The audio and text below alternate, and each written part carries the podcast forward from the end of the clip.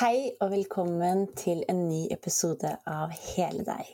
I dag skal vi snakke om noe jeg tror hver og en av oss kan kjenne oss litt igjen i, nemlig det å ha en stressnakke. En uh, spenningstilstand i nakken der du kjenner deg stiv og øm pga. langvarig stress eller anspenthet. I dagens episode så er vi så heldige å ha med oss naprapat Astrid og sammen så skal vi se litt på helheten. For nei, det er ikke alltid at all stressnakke kan behandles bort.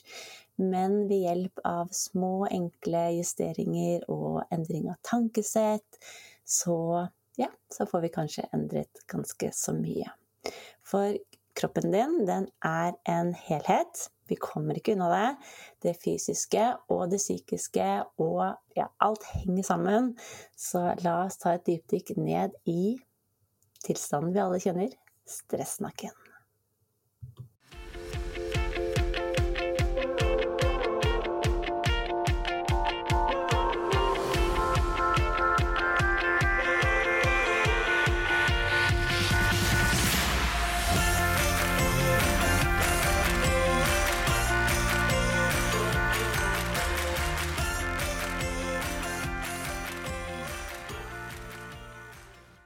Hei og hjertelig hjertelig, hjertelig velkommen. I dag har jeg med meg Astrid. Fantastiske, søte Astrid. Og vet du hva, Astrid? Det er en skikkelig ære å ha deg med på denne podkasten. Velkommen! Tusen, tusen takk. Det er en sånn ære å få lov til å være med. vi to er jo begge naprapater. Og vi er jo veldig opptatt av helhet og finne årsaken til smerte. Men før vi begynner å gå skikkelig ned i det med å ha en helhet, det å ha en kropp, og kanskje til og med også litt smerter i eh, nakke og skulder pga. stress. Kan ikke du fortelle litt om deg selv, Astrid? Ja, jeg heter da Astrid Kvil. Jeg er eh, naprapat, som du allerede har sagt, og har jobba som det nå siden 2011, faktisk. Og så har jeg drevet for meg sjøl siden 2013. Oppvokst i Trysil. Eh, bor nå på en gård på Nasi Ringsaker med to barn og mann og eh, dyr. og så har jeg blitt veldig opptatt av det her med, med, stress, da, som du nevnte også. Jeg jobber primært med kvinner som har utfordringer med smerter i rygg, nakke, skuldre, hodepine relatert til stress. Ja. Og da har du ganske mye å ta av, eller hva? jeg tror ikke jeg blir arbeidsledig med det første, dessverre. Mitt mål eh, her i livet er faktisk å bli arbeidsleder, for ingen har behov for min kunnskap. Jeg tror heller ikke jeg blir arbeidsledig, og jeg tror kanskje ikke du heller blir det med det første. Nei, ikke ut ifra det samfunnet vi lever i nå. Jeg tror det må skje en ganske sånn drastisk endring i eh, samfunnsnormen, hvis vi skal bli det, i hvert fall.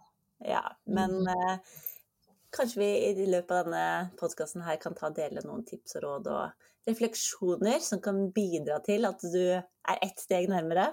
Det håper jeg virkelig. Ja. Mm. Men du, en ting som jeg har merket veldig i mitt liv, som, som påvirker eh, meg og mitt uh, stressnivå og mitt liv, er jo hvordan jeg starter dagen. Og hvordan energien min er på, på morgenen. Det påvirker resten av dagen. Mm. Hvordan eh, er det for deg? Hva gjør du for å unngå stress? Um, morgenen er en fin måte å starte Altså, man starter gjerne dagen altså, Man bør i hvert fall ikke starte med stressa på dagen, fordi da tar man med seg det gjennom hele liksom, resten av dagen. Så hvordan du starter dagen din, har utrolig mye å si. Uh, og jeg er så heldig at jeg har barn som sover. Så, så ja, De sover også veldig godt på morgenen, så jeg får alenetid på morgenen. Og det er jo ikke sikkert alle har muligheten til det, men jeg står opp alene ordner meg på badet, går på kjøkkenet, setter på kaffen, tar et stort glass med vann. Eh, sjekker inn med liksom litt hva, hvem vil jeg være i dag, hva er dagens plan, hva har jeg på agendaen. Eh, og så bruker jeg takknemlighet utrolig mye både morgen og kveld. Jeg har startet, når jeg starta med det, så satte jeg meg ned og skrev det ned. Det er ikke alltid jeg skriver ned hva jeg er takknemlig for. Nå gjør jeg heller en refleksjon litt på slutten av uka. Men jeg har det innebygd i vanene mine at jeg kjenner godt etter hva er det jeg er takknemlig for i dag.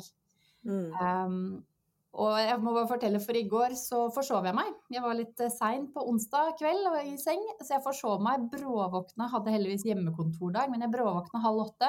Mannen var ute av senga for lengst, og barna lå og sov. Og bare OK, hvordan skal vi starte dagen da, da?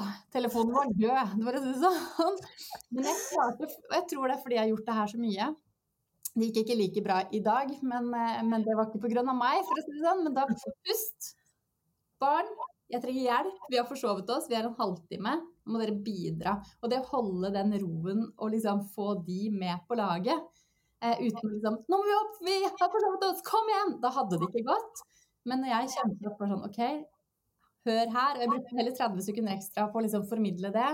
Eh, og så var de med, de hjalp til, sønnen gikk og kledde på seg, og begynte med frokosten, liksom. Så gikk det utrolig ufattelig bra. Og så kom jeg hjem igjen da etterpå, så var det sånn det her hadde ikke gått for to år siden. Så endring er mulig. For jeg har også vært en sånn med skuldrene høyt opp under ørene, og det er jo kanskje derfor at jeg kjenner meg igjen i veldig mange av disse pasientene. Så jeg har en bakgrunn fra masse hodepine, nakkesmerter og stress sjøl, eh, hvor jeg kjenner at det er de pasientene som er mitt hjerte nærmest, da.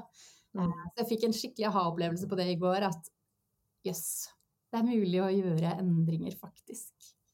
Det er det. Og akkurat det du sier, det med å at dette har tatt tid, at du har brukt to år på å justere det, er, tenker jeg også er en fin, fin, måte å redusere stresset på å bli bra. Mm. Fordi vi, det kan derfor jeg oppleve at mange stresser så mye med en endring at det igjen blir en ny stressfaktor.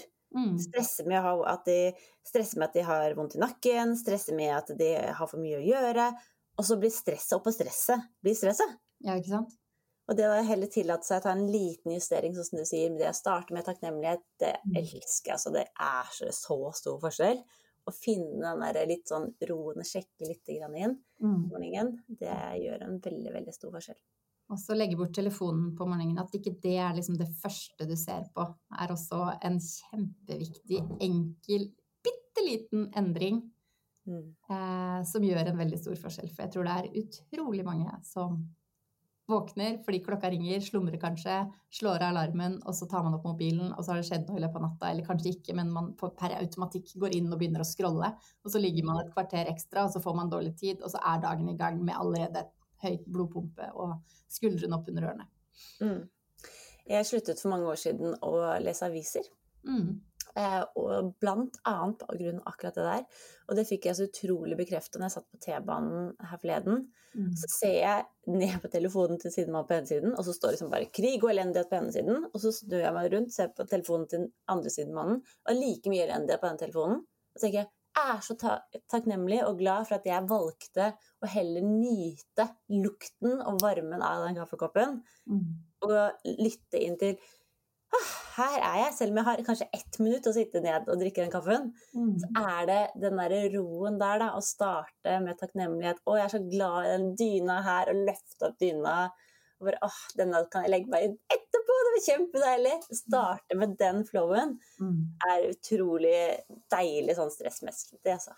Det er kjempeviktig, og det med aviser og nyheter eh, det har jeg også slutta med for veldig lenge siden, og det har gjort en enorm forskjell. Ehm, jeg har jo en mamma som skal få med seg alle nyheter, og når jeg er der, jeg kjenner det.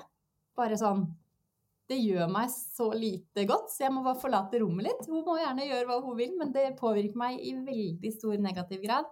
Og det er jeg ikke interessert i, for jeg er faktisk eh, jeg skal leve mitt liv også. Er, man mm. får jo med seg hva som skjer allikevel. Om ikke man ønsker på det. Så nyhetene de når meg uansett. Men jeg kan mm. ta et aktivt valg på å begrense det så mye som mulig. Ja, veldig. Mm. For du, jeg vet ikke hvordan det er med deg, men jeg kan i kjenne at jeg blir sånn stiv i skuldrene og kjenner litt på sånn dårlig samvittighet. Ja, men kanskje jeg burde ha gjort noen ting.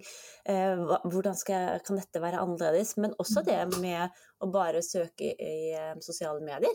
Mm. Eller gå og scrolle der og se andres liv. Hvor lett vi har for å sammenligne oss med andre. Og skulle jeg gjort noe annet? Kan jeg gjøre noe annet? Og det legger jo en enorme krav på skuldrene våre. Mm. I tillegg til, som du sier i går, at du skulle komme deg ut av huset og få ungene av gårde. Du skulle nå jobben, du skulle nå pasientene. Mm. De er nok krav. Og når vi mm. legger andres krav som vi kanskje ikke kan gjøre noe med oppå skuldrene i tillegg, da, så blir man jo veldig spente. Det gjør det. Mm. Det det. Men du, når du først kom deg til eh, jobben i går, da. Det er jeg helt sikker på at du hadde noen pasienter innom med litt stressnakke. Mm. Kan ikke du beskrive litt hvordan, de, eh, hvordan sånn typisk stressmakkepasient ser ut, og hvordan hun beskriver smertene sine? Ja, de har jo ofte, eller veldig mange av de jeg ser, da, smerter enten eh, helst på begge sider, skuldre, noe ned mellom skulderblad, eh, ofte hodepine. Eh, det veldig velkjente er jo den her helgehodepinen eller feriehodepinen. Altså, det går greit så lenge man har nok å drive med i uka og uken ned. Men når man endelig kan senke garden bitte litt, så kommer både sykdommen kanskje, de er ofte småforkjøla sjuke også, eh, og så kommer den hodepinen, da. Så de ligger liksom rett ut hele lørdagen, og så har de en sånn brukbar dag på søndag, og så kommer smertene snikende igjen på søndag ettermiddag, fordi da har de begynt å tenke på at de skal i gang med en ny uke. Mm. Og det er liksom veldig klassiske bilde da, eh, på, på stress. Og eh, Ofte så responderer de ikke sånn superbra på behandling heller. Det funker en stund, og så kommer de tilbake igjen. Eh, og det handler jo om at vi ikke har klart å ta tak i den årsaken bak hvorfor de har disse spenningene. Og stress er jo en årsak, altså det er jo den største årsaken, som jeg vil påstå, til muskelverk og muskelspenninger. Mm. Og, og det er jo fysiologisk sett, da, ikke sant. Ja. Mm. Men jeg hørte du si at eh, veldig ofte så fungerer ikke behandlinger. Mm. Eller som jeg kan si til pasientene du kan velge å fortsette å gå til behandling, og så kan du gjøre meg rik på det. Eller så kan du velge å gjøre noe med årsaken til problemet ditt, som du også må gjøre litt utenfor behandlingsrommet. Mm. Hva er det du ser for noe eh, at kan henge sammen med de stressende nakkene? For det er jo veldig deilig og veldig lett å tenke at ja, men åh, kan ikke du bare massere meg litt? Kan ikke du bare trykke på det punktet der? Da blir alt bra. Mm. Når jeg bare blir kvitt den hodepinen, da blir alt bra. Mm. Men det er jo ikke sånn. Nei, det er jo, det er jo ikke sånn. Eh, fordi det er jo egentlig bare et symptom. Mm. Så jeg hjelper deg med symptomene. Og hvis jeg hjelper deg med symptomene, så vil jo på en måte smertene bare komme tilbake igjen. Og det er viktig å formidle det, tenker jeg. Og det er som du sier, jeg sier også det til mine pasienter som ikke gjør noe utenom, at ja, du må gjerne komme hit, men da må du gå her, så vi kan behandle symptomene dine jevnlig. Og det er fint for lommeboka mi, det, men det hjelper ikke deg i lengden. Så hvis du vil bli kvitt det her over lang tid, så må vi gjøre noen flere justeringer og flere endringer. Og det kan være så mange forskjellige ting, da. Men jeg mener at smerter er jo alltid multifaktorielt. Det vil si at det alltid er flere årsaker, flere faktorer. Og det kan være Jobben kan være en av de. Eh, det kan være for mye å gjøre på for lite tid, som veldig mange tenker at det er, men veldig ofte kanskje ikke egentlig er. Men heller disse kravene, eh, og ikke nødvendigvis bare kravene fra omverdenen og folk rundt deg og sjefen din og mannen din og barna dine, men helst kanskje Nå jobber jeg mye med kvinner, og da kravene som vi legger på oss sjøl, da på at vi skal være sånne superdamer som skal klare å få til alt og prestere på jobben og ha en karriere og perfekte mammaen hjemme og være til stede og bake den kaka til treningsavslutninga og helst ta på seg et par verv i tillegg fordi det er sånn folk gjør, ikke sant. Og det er litt sånn at man ser disse Jeg tror i hvert fall at det handler litt om sosiale medier og at man sammenligner seg, som du var inne på. Mm. Ja. Jeg tror veldig på det med sammenligning. For jeg, jeg hvis vi hadde bare vært med oss selv og liksom sett alt det vi faktisk gjør bra, Mm. så jeg tror jeg vi hadde nytt litt mer av prosessen på veien. Mm.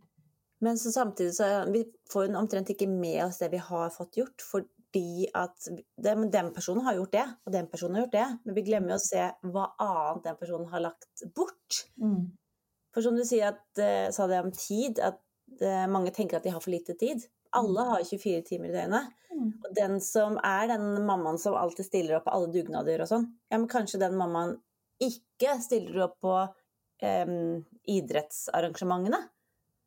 Kanskje den mammaen ikke har like krevende jobb. Kanskje den mammaen ikke har em, en familie der det trengs mye pleie.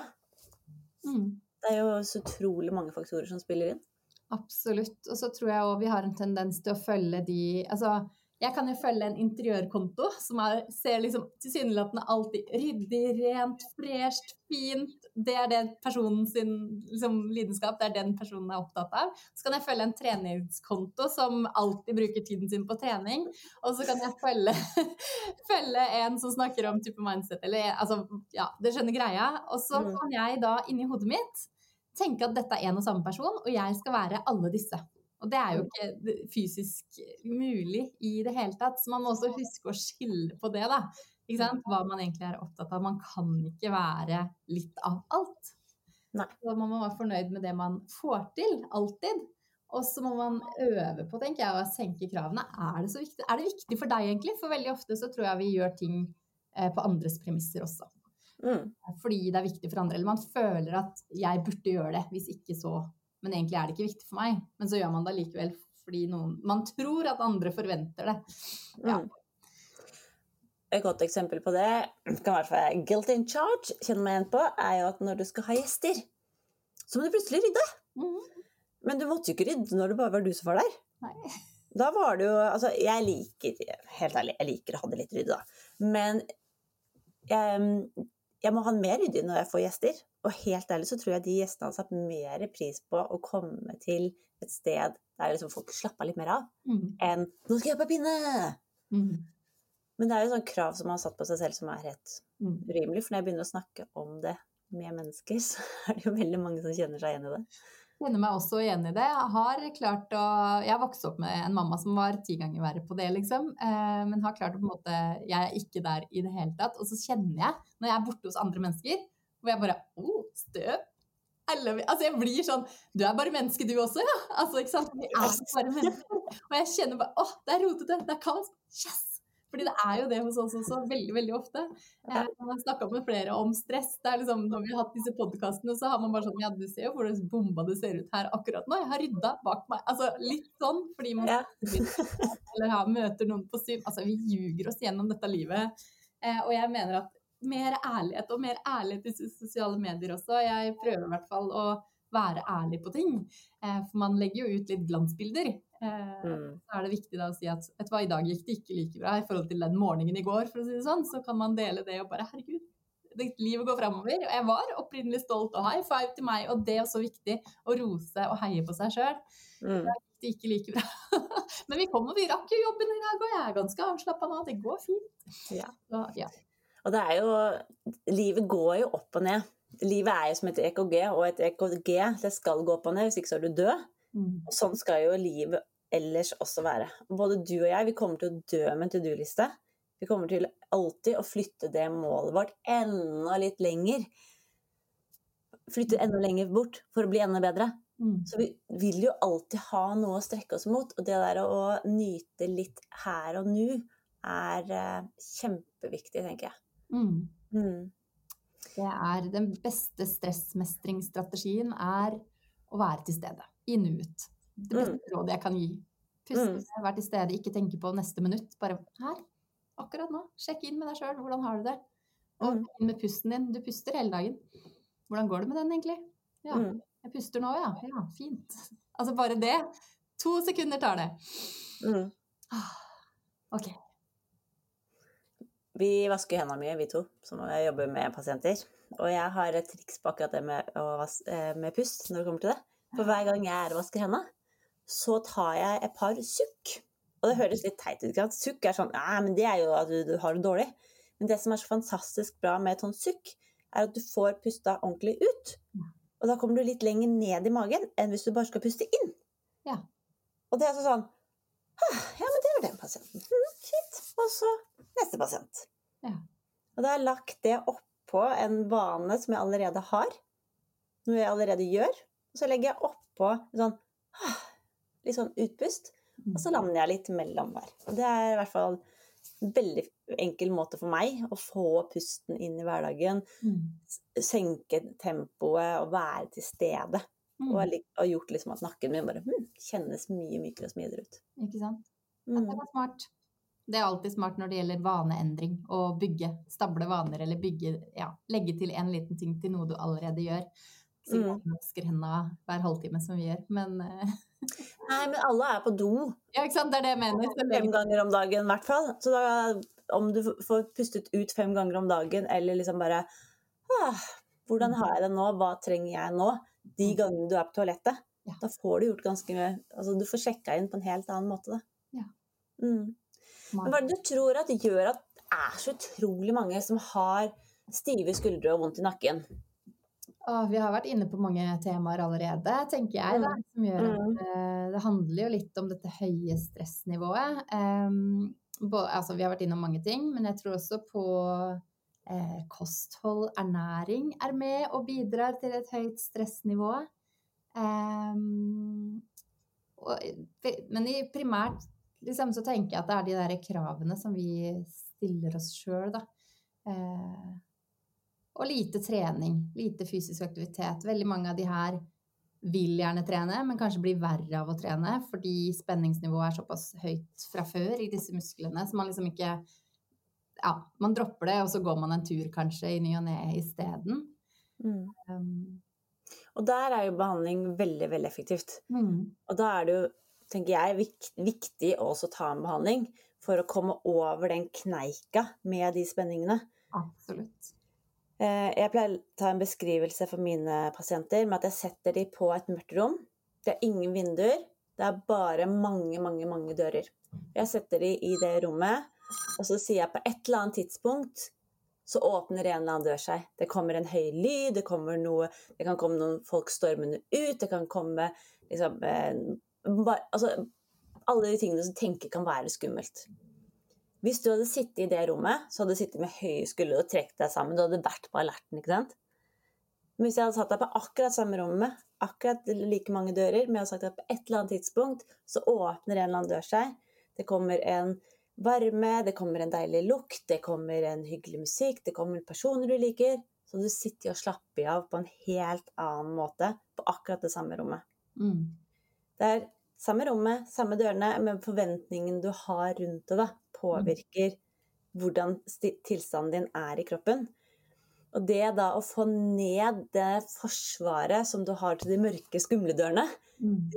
skuldrene oppe, og få de til å være litt nede, og så forvente de andre fysiske eller psykiske tingene som skjer rundt, som hyggelige ting, da, mm. så er det jo mye lettere også å gå videre inn i hverdagen og være fysisk, fysisk aktiv. Det er mye lettere å tenke positivt når man ikke har vondt. Mm. Det er mye lettere å finne løsninger når kroppen føles smidig. Mm. Eh, og hvert fall for meg så har det der med å bryte Få liksom hjelp til å bryte mønsteret, mm. men så fortsette veien videre, da, har mm. eh, gjort en stor forskjell for mine pasienter. Jeg vet ikke om du kjenner deg igjen? Jo, jeg kjenner meg absolutt igjen. Og det var et veldig beskrivende bilde på det med forventninger og eller. At man forhåndsheiser skuldrene. Man tar liksom sorgene litt på forskudd, kanskje. Eller man tar på en måte Ja, vi snakka litt om det innledningsvis uten, uh, før vi starta podkasten også, det her med å gå rundt og snakke om at du er stressa. Sånn er jeg. Jeg er en stressa person. Mm. Og vet du hva, hvis du går rundt og sier at jeg er stressa, så kommer du bare til å fortsette med å være det. Eh, det, litt, eh, det, blir, det, blir, en sannhet for deg, da, og kroppen din vil jo liksom reagere på det også, så da vil du ha den der forhåndsspenningen hele veien i muskulaturen din. Eh, så å øve på, eller overbevise deg sjøl om at jeg er en som puster, jeg er en som er avslappa, å begynne med disse tingene kan også være til god hjelp. Mm. Ja. Men også det å ta én ting om gangen. Mm. For jeg har ganske mange ting, mange baller i luften. Jeg har nettkurs, jeg har klinikk, jeg eh, har noen spennende prosjekter på gang, jeg eh, har barn Det er mange ting. Men mm. allikevel så kjenner jeg meg ikke stressa. Og det er en av de tingene som jeg tror gjorde forskjellen for meg, er det å ha én ball i lufta om gangen. Mm. For hvis du skal sjonglere en golfball, en tennisball, en badeball, en bowlingball, alt det her samtidig, så blir det mm. veldig vanskelig å håndtere. Mm. Hvis jeg sier nå flytter jeg golfballen frem og tilbake. Nå tar jeg badeballen. Mm. Og tillater deg å være ett sted om gangen. Da. Gjør også, har gjort stor forskjell for meg. Mm. Det tror jeg er kjempeviktig, og det tror jeg er en treningssak. Absolutt. Det er ikke, ikke, noe som kommer eh, over dagen, men det er mange små teknikker som man kan bruke da, for å bli mer og mer bevisst på det. Mm. Mm. Ja, nei, det tror jeg er veldig, veldig viktig. Og så er vi jo litt forskjellige også. eh, på mange måter. Noen takler stresset bedre enn andre. Og, og, jeg tenker jo det handler jo litt om alle tingene man gjør. Hvordan type liv man har, da. ikke sant? For det er jo eh, For å jobbe med stress, så er det jo mange faktorer man kan ta tak i. Og jeg sier ikke at man skal ta tak i alle sammen samtidig, så da må man bli litt kjent. Men det handler jo kanskje om å prioritere søvn. Det handler litt om hvilke måltidsvaner du har, og hva du faktisk spiser også gjennom dagen. Det handler om du får nok eh, fy, eh, trening, fysisk aktivitet, mosjon. Det handler om dagslys, rett og slett. Være ute i naturen og til stede der du er. Eh, I høyeste grad den nære tilstedeværelsen også. Så det er liksom mange ting man kan gå inn på for å redusere stress. Sånn at hvis du er skikkelig god på å sove, og du legger deg klokka ti hver dag og står opp til vanlig tid, og du går en tur hver morgen, så kanskje du takler det her stresset gjennom dagen veldig mye bedre enn en som har eh, mye våkentid, eller ikke prioriterer søvn, eller legger seg klokka tolv og står opp klokka seks og tenker at æsj da, fem timer, seks timer, det går fint. Mm. Da får man ofte mer smerter. Da. Så det er jo mange ting man kan ta tak i når det mm. gjelder stress og smerter. Absolutt. Å begynne med den ene tingen? Absolutt. Ikke gjøre alle endringene på en gang. For, det For da blir det også stress. ja, da er vi liksom på den veien der igjen. det er de små justeringene. Ja. Men apropos det du sier nå, så ja, kan det jo handle om kosthold, det kan handle om bevegelse, søvn, eh, hvordan genetikk påvirker jo hva vi har blitt fortalt av verden rundt oss. Mm. Det er veldig mange faktorer som påvirker hvordan kroppen fungerer. Mm. Og vi, det var vi også litt inne på før vi eh, trykket rekord her. Men det å Vi kan jo ikke behandle en, hver pasient med stiv nakke likt. Nei. Og det er jo også veldig interessant, for veldig mange skulle ønske at det var en fasit. På mm -hmm. akkurat sånn her skal du gjøre ting. Mm. Men det går jo ikke. Nei. Det gjør, eh, gjør, dessverre ikke det. Eller heldigvis. Mm. Ja, vi er ulike individer og har ulike behov, selv om smertebildet og liksom den kliniske delen som man ser når du kommer inn og forteller din historie, den kan være ganske lik. Mm. Eh, de samme vondtene i muskulaturen, den samme type hodepinen. Det kan være ganske likt, men årsaken bak kan jo være noe helt annet. Og, mm. og det er jo den jeg vil gjerne ha tak i, da. Mm. Um, og hvis ikke vi får tak i den og gjør, gjør noen endringer der, så vil jo heller ikke pasienten bli bedre. Nei. Og noen ganger så sitter det jo muskelspenninger i én muskel, og neste gang så er det, ikke, er det ikke den muskelen som sitter, men en annen muskel som sitter. Mm. Det i hvert fall syns jeg er veldig viktig å ta på pasientene og jobbe liksom, både fysisk og kjenne hva som egentlig er problemet i dag. Ikke ta utgangspunkt i hva som var sist, men hva som er i dag. Mm. Um, og da ser jeg at noen av pasientene mine kan tenke bare Men har du ikke fulgt med sist, sist, time? For noen ganger kan jeg spørre Hvor, hvordan kjennes smerten ut i dag? Mm. Og det For meg så betyr jo det at Hvordan er det i dag? Men noen tenker jo da at jeg ikke husker hva, hva de kom for. Så det må jeg huske noen ganger å fortelle dem, da. Ja, at eh, hvordan sitter i dag, kan ha et helt annet utgangspunkt ut ifra ja, hvordan du startet dagen i dag, og hvordan du har hatt det. Ja. Mm. Og det er kjempeviktig å ta på pasientene, og det er kjempeviktig å behandle pasientene. Og jeg gjør veldig mye av det også. Eh, og jeg elsker at, jeg har, at vi eh, ofte har veldig lang behandlingstid og tid inne på behandlingsrommet med pasientene. Og den der terapien det er å bare ligge på den benken og få den behandlingen også, hvor vi kan snakke sammen om livet, om disse tingene. Det er gjerne der det kommer fram eh, veldig mye. Eh, og det er ikke sikkert de tingene som er årsak, kommer nødvendigvis ikke fram på første behandling heller. Eh, fordi vi må bli litt kjent, de må kunne stole på meg. Eh, og apropos årsaker, ja, søvn og kosthold, alle disse tingene. Men det kan også være ting som har skjedd tidligere i livet som gjør at man har en høyere stress, eh, spenning i kroppen, mye adrenalin fordi man opplevde noe som barn, rett og slett, eller opplevde noe for tre år siden som man ikke har klart å bearbeide, som har satt seg over tid i kroppen. Og da må vi begynne å snakke om de tingene og ta tak i de tingene også. Mm. Ja, for meg så ble det en sånn helt naturlig vei å gå videre, det å utdanne meg som en LPR-coach. Mm. Rett og slett for det er så mye samtaler som skjer på benken, samtidig som jeg også behandler. Mm. Eh, der kanskje nøkkelen egentlig ligger i samtalen. At det blir møtt, det blir sett. Eh, og mange av behandlingene, spesielt på de som er stressa, går jo også på det å sette av tid til seg selv. Mm. Jeg tror det å ha en avtale Eller det vet jeg, for det har de sagt. Det å ha en avtale med meg da, som terapeut, gjør at de faktisk tar avtalen med seg selv. For det er vanskelig å sette av Nå skal jeg sitte, sitte i 40 minutter og bare ta vare på meg selv. Nå skal jeg gå og ta et varmt bad, eller nå skal jeg gå i skogen. Ta vare på meg selv. Det kan være vanskelig, for det har vi ikke tid til. Nei. Nei. Da er det lettere å ha en avtale med en terapeut. For ja, men jeg skal på den behandlingen. Mm. Mm. Ja, det er veldig viktig det du sier der. Og det å bryte det mønsteret, da, fordi de har jo aldri tid. De blir jo stressa av å sette seg ned i fem minutter. Det er sånn 'Å, Det må skje noe! Det må skje noe! Ikke sant? Altså man blir jo Ja. Eh, og det å legge seg på benken her, da har de ikke noe valg, for det første. De må ligge. Og vi bruker, jeg bruker mye pust også her. ikke sant? Sånn at behandlingen går jo både på at jeg behandler og tar på pasienten. Vi tar på de. Det er én ting. De blir hørt, de blir sett. Eh, bare det hjelper jo på i veldig stor grad.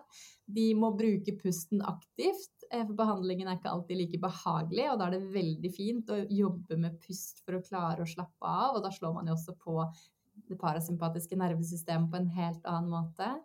Eh, og jeg kan bruke stemmen min og måten man snakker på, snakke roligere og gå inn i temaer osv. Så, videre. så eh, det er jo mange ledd i en behandling, selv om det føles som at jeg gjør det samme hver gang kanskje man er her og man får liksom, massasje og, og triggerpunktsbehandling. Så, så er det mange ledd der som gjør at de klarer kanskje å lande og klarer kanskje å kjenne på det stresset. Og veldig mange av de som er virkelig stressa, de, de skjønner det jo ikke sjøl engang. Nei, nei, nei, det er ikke stress. Det er ikke det.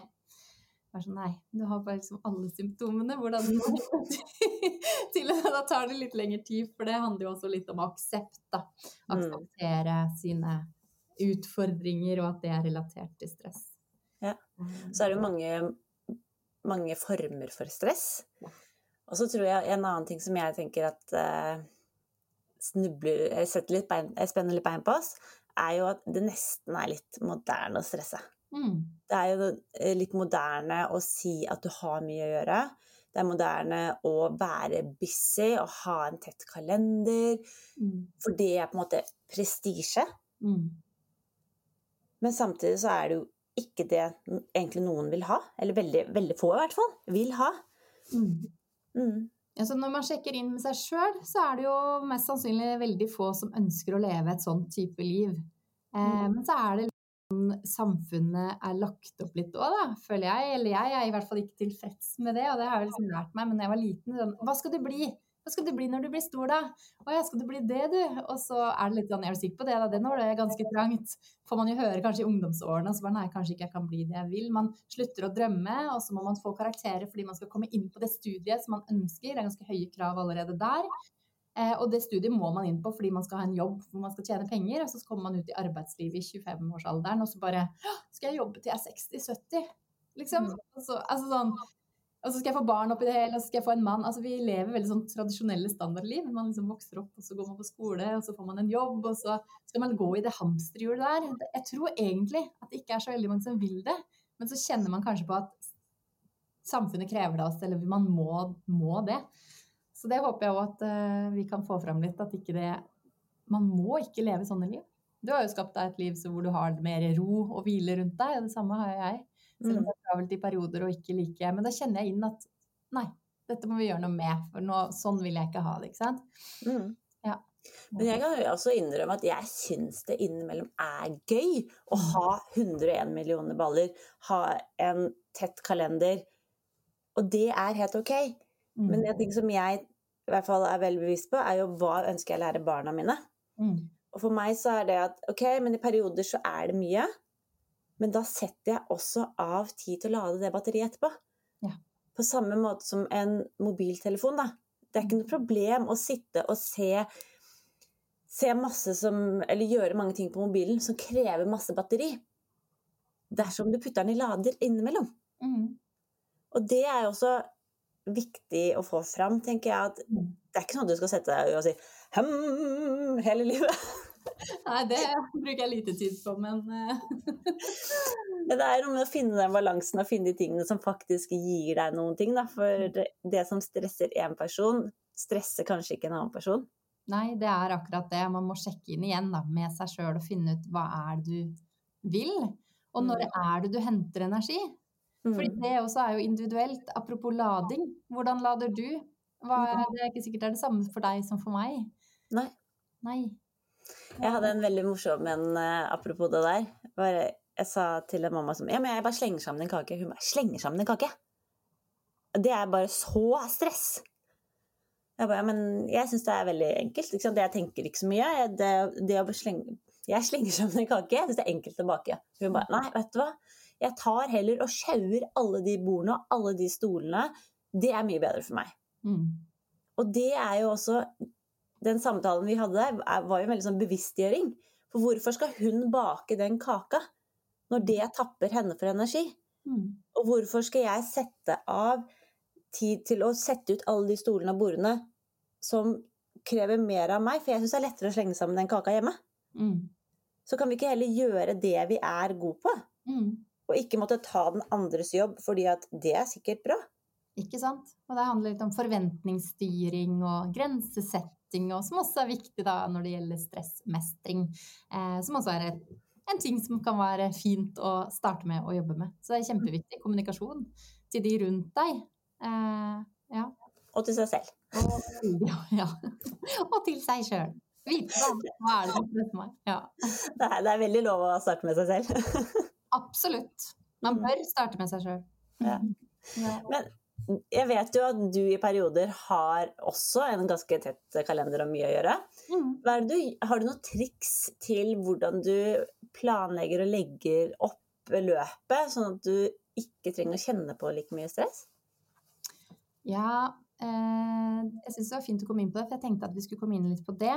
Jeg følger jo min egen syklus eh, ganske slavisk, holdt jeg på å si, og bruker den aktivt når jeg har menstruasjon, kontra de periodene jeg har eggløsning. Fordi jeg kjenner veldig stor forskjell på min energi gjennom den perioden. Og når jeg har eggløsning uka før etter, så, eh, så har jeg veldig mye mer energi.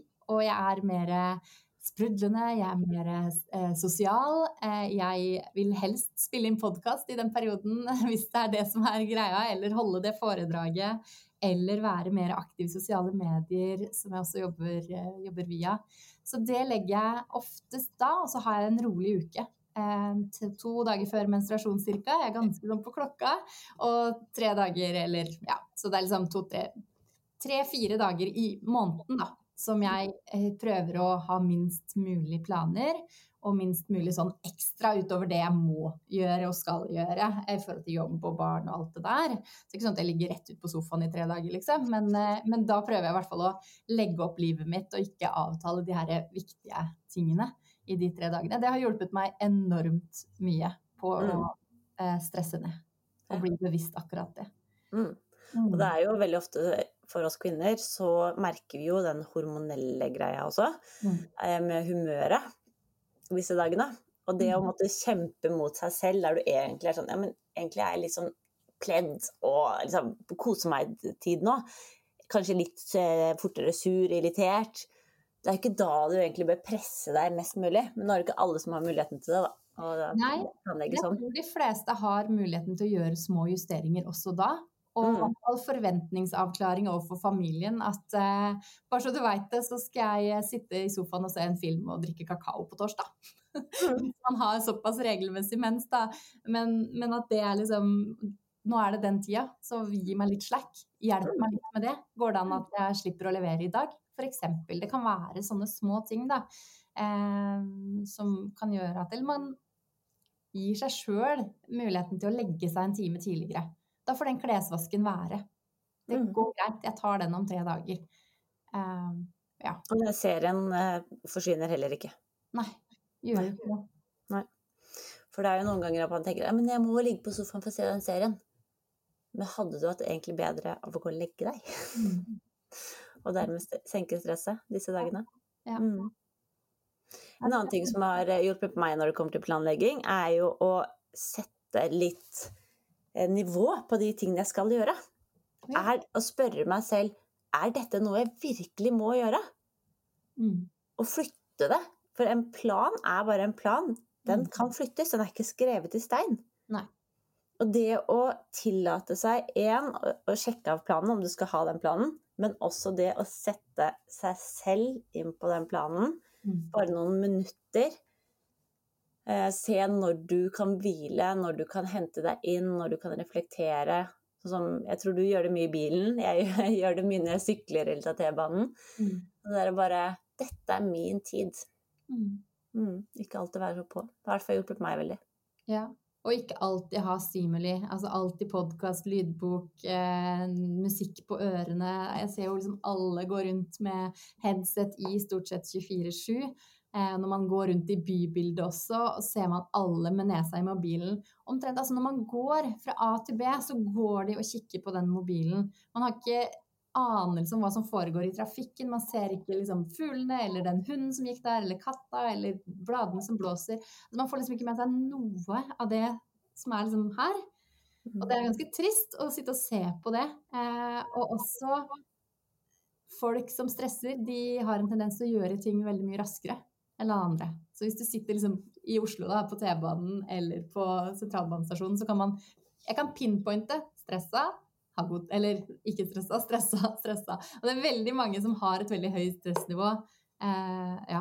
Men det syns jo på folk også. Så det er litt sånn hmm.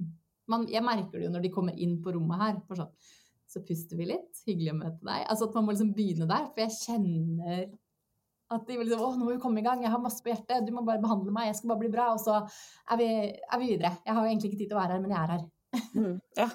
Kler av seg på vei inn døra og løper sånn et tempo, kommer akkurat på klokka. Og, ja, Mm. er veldig vanlig kjent der. Ja. Men stress er noe vi kommer til å ha med oss hvis vi ønsker å ha det med oss. Så kan vi legge fra oss litt dersom vi ønsker å legge det fra oss litt. Mm. Men Så det ikke livet uten, så vi må klare å mestre det på en eller annen måte. Mm. Ja, ta er kontroll over vårt liv. Veldig mange små life hacks man kan gjøre. Mm. Man må bare bli bevisst, det er kanskje det første steget. Å vite at å ja, jeg har litt høyt stressnivå, ja. Hva kan Mm. jeg gjøre? Ja. Sånn. Og ta bort litt av de tingene du faktisk ikke syns er gøy. Mm. For det gir ofte mer stress. I aller høyeste grad. Det er lov til å delegere. Det er lov til Ja, veldig lov å delegere. Og morsomme ting gir ny energi. Pauser gir ny energi. Så man må finne ut av hvordan man lader. Eh, Så man må sette av tid til å lade. Ja. Det er ikke mye som skal til. Jeg elsker rødt lys. Rødt lys er så fantastisk. Jeg vet ikke med deg, Astrid, eller dere andre lyttere, men det å sitte på kafé og sitte og se på mennesker syns jeg er fantastisk godt. Det, jeg sykler jo, stort sett, og jeg, jeg syklet over Eufemius gate, og der er det mange rødlys. Og i starten så irriterte jeg meg litt over de rødlysa, for jeg måtte jo forte meg hjem. Jeg måtte hjem. Og så tenkte jeg bare Men dette her er jo som en kafé. Jeg sitter på første raden på en kafé. Jeg har ingen som forventer noen ting av meg, fordi jeg kan faktisk få en bot hvis jeg, hvis jeg må stresse nå. Så det er mye bedre å bare stå der. Så står jeg på rødt lys, og så har jeg en stund for meg selv. Så de røde lysene for meg har blitt en stund for meg selv, en stund til å puste, kanskje gjøre knip, og bare ah, lande litt og reflektere over dagen. Mm. Og det å snu de negative, stressende situasjonene til å putte noe positivt på det, er også en sånn liten, enkel greie vi kan gjøre.